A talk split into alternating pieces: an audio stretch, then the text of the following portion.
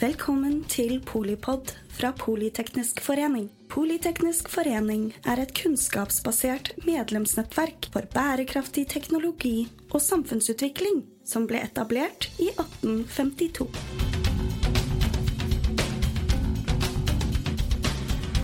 Velkommen til eh, Polipod, der vi eh, selvfølgelig skal snakke om å fuske. Fuske i faget, fuske i tilværelsen, eh, fuske med resultatene.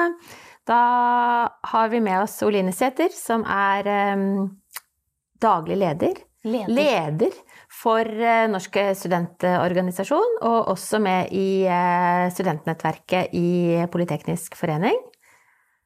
Jeg kan jo bare krype til korset med en gang og si at jeg skrev formler på låret da jeg eh, var student.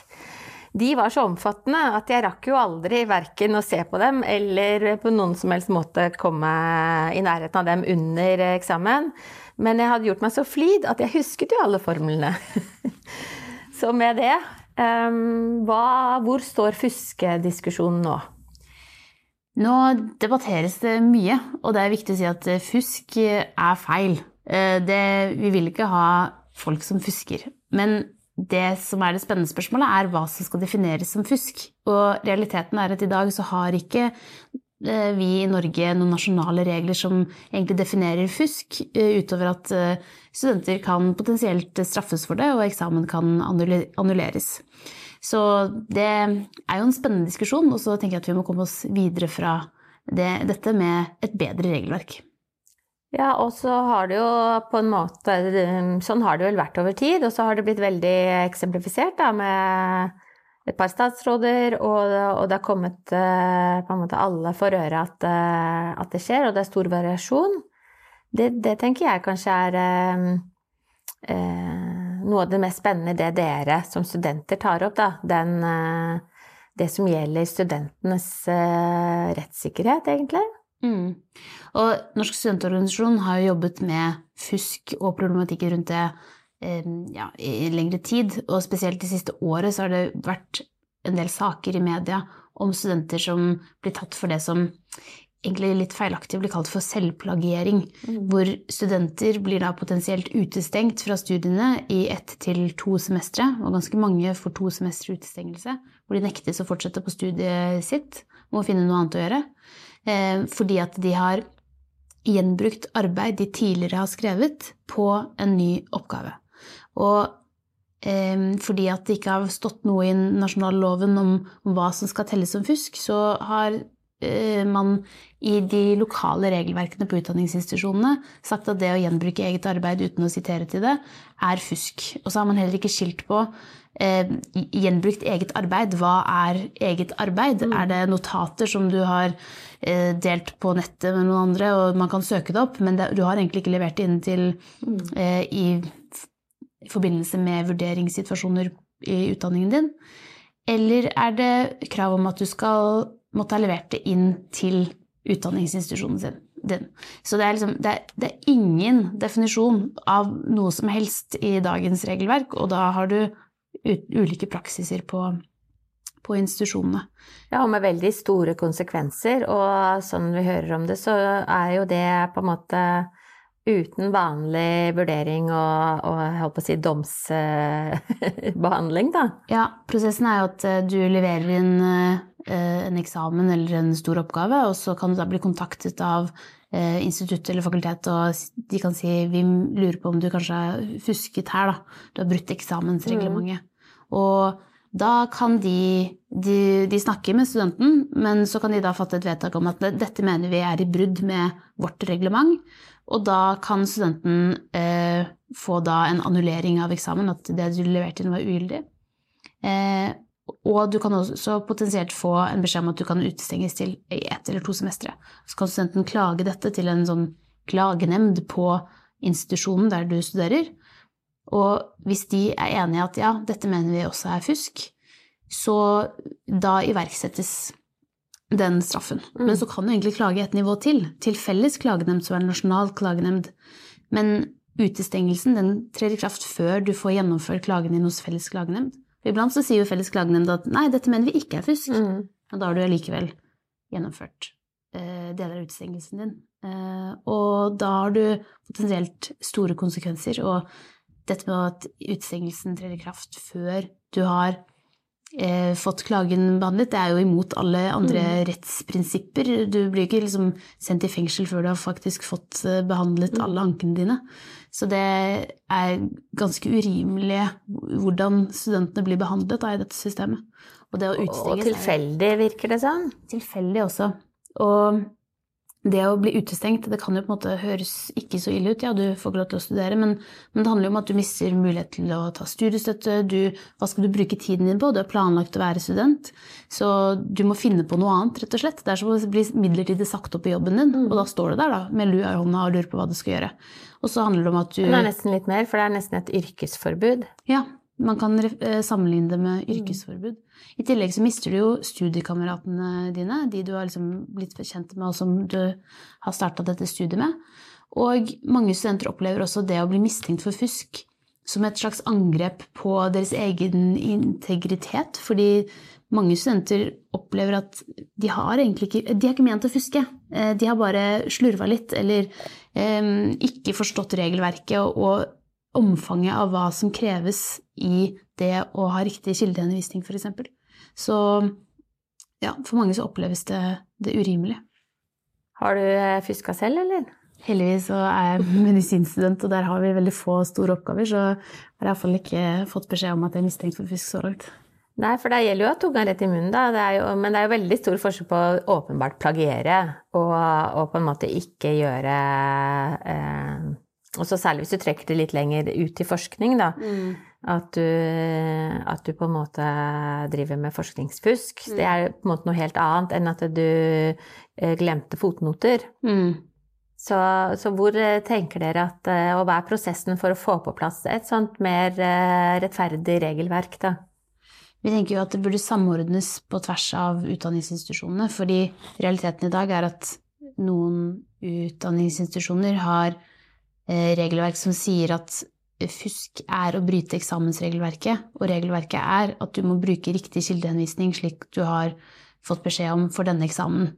Men kildehenvisningsregelverk kan være også ganske rigid, hvor du må bruke liksom anførselstegn og den type parenteser. og liksom, Det er veldig stramme rammer. Men hvis det er noe som da har misforstått og brukt et annet kildehenvisningsmal, eh, og brukt eh, Eh, innrykk i teksten istedenfor eh, anførselstegn, så kan det være fusk. Selv om du har jo markert det, du har sagt hvor du har det fra. Du har, liksom, du har vært redelig, du har bare brukt feil måte å markere din redelighet på. Og da kan du bli utestengt. Det er jo litt, eh, det er litt rart.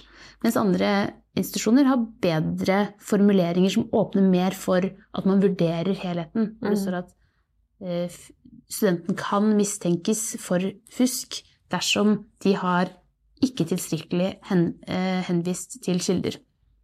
Og det å kan mistenkes for fusk gjør at man kan gå i dialog med studentene og si hva var det egentlig, hvorfor gjorde du dette, hvorfor har du ikke egentlig markert etter våre standarder, da. Eh, så derfor får man på noen steder en ganske svart-hvitt eh, definisjon av fusk, hvor det er brudd på det som er regelverket, mens andre åpner for skjønn. Og vi vil jo at man skal gå i dialog og, snakke med studenten hva hva var det du mente her? Kan du forklare hvorfor vi ser disse tekstlikhetene og denne manglende kildehenvisningen? Og så er det jo mye lettere å se tekstlikheter nå, da. Eh, det er mye, mange verktøy, hvem som helst. Eh, og ære være for alle som på en måte går eh, på en måte Det skal jo være et skikkelig system. En masteroppgave skal være en, en ekte masteroppgave. Men, eh, men, dette rundt tekstlikhet og, og sammenligning og, og, oversettelser og sånn med type med språkmodeller og, og, kunstig intelligens gjør det jo veldig mye lettere, da, mm. å, å, se eh, likheter. Og kanskje veldig mye lettere å, å hente inn stoff utenfra og, mm. og, liksom bearbeide som sitt eget. Da. Så hvor, hvordan kan et regelverk ta inn over seg si, teknologiutviklingen, egentlig både for å fuske lettere, men også for å avsløre fusk lettere? Det er jo en veldig spennende problemstilling du løfter, fordi teknologien har gjort at vi beveger oss i et ganske ukjent landskap, egentlig. Mm. Med, vi har plutselig verktøy hvor du kan sende inn en tekst, og så kan du be, de, liksom, be dette programmet på internett, Mm. søke alle mulige tekster og prøve å finne tekstlikheter. Og da har du jo plutselig mye større muligheter til å faktisk finne disse tekstlikhetene. Eh, Og det hadde vi ikke for for noen år siden, så mulighetene for å avdekke dette er mye større. Samtidig som studentene, når de skriver store oppgaver, har, har, mye, har mye lettere tilgjengelighet til nettopp å rett og slett bare kopiere og klippe inn. Og så kan det godt hende at studenter de leser en tekst, og så tenker de ah, dette var nyttig informasjon, jeg klipper det inn i min liksom, kladde ark. Og så eh, kanskje de i det steget glemmer å liksom, si at å ja, dette var hentet fra der, og jeg var, gjorde rett og slett klipp og lim. Og så har de under i samme kladde ark eh, kladdet ned noen egne tanker. Og så går man litt sånn surr i hva man egentlig har hentet fra hvor. Og det er jo ikke bra. Helt, man burde stille krav til studenten at man holder tunga rett i munnen og vet hvor man henter tekst fra når man henter fra andre. Men jeg tenker at et regelverk må jo åpne for at eh, det kan skje slurv underveis. Og vi må skille på hva er fusk med hvor fusk eller vi er opptatt av at fusk skal ha en viss intensjon av å gjøre noe uredelig. At du skal ha med vilje ha eh, vilje eller veldig grovt uaktsomt gjort noe som har gitt deg et fortrinn, eller gjør at teksten du leverer inn, fremstår mer selvstendig, mer som din egen, og du da får også creds da, for noe som egentlig ikke er ditt. Um, så vi vil at det skal stilles visse krav til at for at man skal oppnå definisjonen fusk, så skal studenten har villet det eller gjort noe som de virkelig burde ha visst bedre om. Og det må ha vært gjentagende, da. Så, så det er en av de delene. Og da er vi vil ha et nasjonalt regelverk. Og da er det nettopp viktig at et regelverk åpner for at man kan gjøre en sånn vurdering, og derfor vil vi ha mer sånn studenten kan mistenkes for fusk Mm. dersom dette og dette skjer. Så det er ett konkret grep. Fordi det skal jo rett og slett opp eh, i Stortinget eh, om ikke så lang tid. Nei, det er veldig morsomt at dette skjer akkurat nå. Fordi universitet- og høyskoleloven ligger til behandling i Stortinget og skal diskuteres der 6. februar. Så det er jo knappe to uker til. Og da vil de bl.a. se på noen av eh, formuleringene rundt eh, fusk. Fordi hele universitets- og høyskoleloven skal potensielt behandles. Og der er det kommet forslag eh, de siste dagene om å utsette hele behandlingen av loven. Det tenker vi i Norsk studentorganisasjon det er ikke helt riktig medisin, men det er veldig bra at politikerne vil, vil gjøre noe med problemet. Men vi tenker at eh, man bør behandle det som er sendt inn, og fordi det er mye som ikke omhandler fusk der, som også burde vedtas. Em, samtidig som vi mener at man burde jo se på fusk når man først er inne i problemstillingen og, og loven er oppe til behandling. Så vi kommer til å spørre Stortinget om de kan sende en, en anmodning, som det heter, til regjeringen om å komme tilbake med et helhetlig regelverk på fusk som er bedre utredet enn det man klarer å gjøre innen 6. februar, men som også kan stå seg over tid. Mm. Og som kan ta opp i seg teknologiutvikling og, Mm. og det som eh, Det er jo eh, Det er jo for oss som var studenter for eh, eh, noen år siden, da, så er det jo eh, eh, også viktig at eh, det, bringer jo også med seg på en måte en en kall det kunnskapskultur inn i arbeidslivet, da. Mm. Og altså dette rundt at ikke du skal eh, bygge videre på det du har gjort før, det er jo eh, helt absurd i arbeidslivet. For da er det jo om å gjøre å lære mest og bruke mest og ikke finne opp krutt, men være effektiv og liksom ta verden videre og, og ikke liksom starte på nytt, da. Mm. Eh, og hvis du har vært konsulent, noen av oss har jo vært eh, eh, konsulenter og, vet at det å samle inn mest mulig kunnskap fra størst del av verden og gjøre den nyttig og anvendbar for beslutninger hos liksom, aktører i dag, da, Mm. er jo eh, kjempeviktig. Og det er jo, det er jo hele grunnlaget for at, man, at ikke alle skal måtte starte fra scratch hver gang. Mm. Så det er jo litt absurd hvis det skal bli sånn helt superrigid at eh, hvis du skrev noe kjempebra i bachelor, så må du liksom bare la det ligge dødt og finne på noe nytt, eller du må i så fall bruke halve oppgaven på å notere at det, dette har du også uh, snakket om før. Så hvor går grensen mellom Hvis vi skal få et sånn superstrengt regime på universiteter og høyskoler, mens eh, arbeidslivet for øvrig eh, egentlig går i motsatt retning, og bruk så mye AI, AI du bare kan, for mm. å, å, komme så raskt som mulig til forbedringspunkter for de beslutningene du skal ta mm. fremover? Altså, hele poenget med å være student er jo å lære seg ting vi skal lære. Mm. Og vi skal forstå hvordan kunnskap, kunnskap, utvikles, og hvordan vi anvender det på en fornuftig måte. Og da tenker vi at det vi lærer um, mens vi er studenter, burde jo også være etter de samme prinsippene som finnes i arbeidslivet, men også for forskere. Så i dag så opplever vi at fordi vi ikke har noen definisjon på hva som skal til for at fusk skal liksom, At man skal få stempelet fusk da, på det man har gjort, mm. så er praksisen noen steder veldig streng, og urimelig streng. For hva er det man lærer av å bli utestengt bare fordi man brukte anførselstegn istedenfor innrykk i teksten? Altså, hva, hva, er poenget her? Samfunnsøkonomisk så høres dette veldig eh, Veldig dumt ut. ja. Man holder studenter igjen i, eh, i utdanningen sin, ikke sant. Så vi, vi, vil jo at studenter skal være like for loven, både student til student på tvers av utdanningsinstitusjonene, så like prinsipper til grunn, men også at studenter Eh, blir behandlet etter de samme prinsippene som, som, forskere får når de forsker og mm. potensielt plagierer der. De vil jo ikke straffes. De på en måte kan miste sitt renommé og eh, ja, bli på en måte fryst ut som en del av forskerverden, men de, de, straffes ikke. Og som du sier, i arbeidslivet så er det jo nettopp bra at man, man bruker ting om igjen. Mm. Og så er det også viktig at man ja, viser hvor man har det fra. Men det må være et hensiktsmessig regelverk her, da. Og det er jo også noe vi ser nå når det har kommet opp uh, caser med statsråder som, som har uh, store grader av tekstlikhet. Og hun ene, Sandra Borch, innrømmet jo også at hun hentet det fra andre uten å tilstrekkelig kildehenvise. Så der, der, har vi på en måte etablert hva det er, da. Men vi eh, mener at uh, statsråder og studenter må måtte, vurderes etter de samme kriteriene for fusk, eh, for vi skal være like for loven. Samtidig så mener vi at I hvert fall når statsråden er student. Definitivt. mm.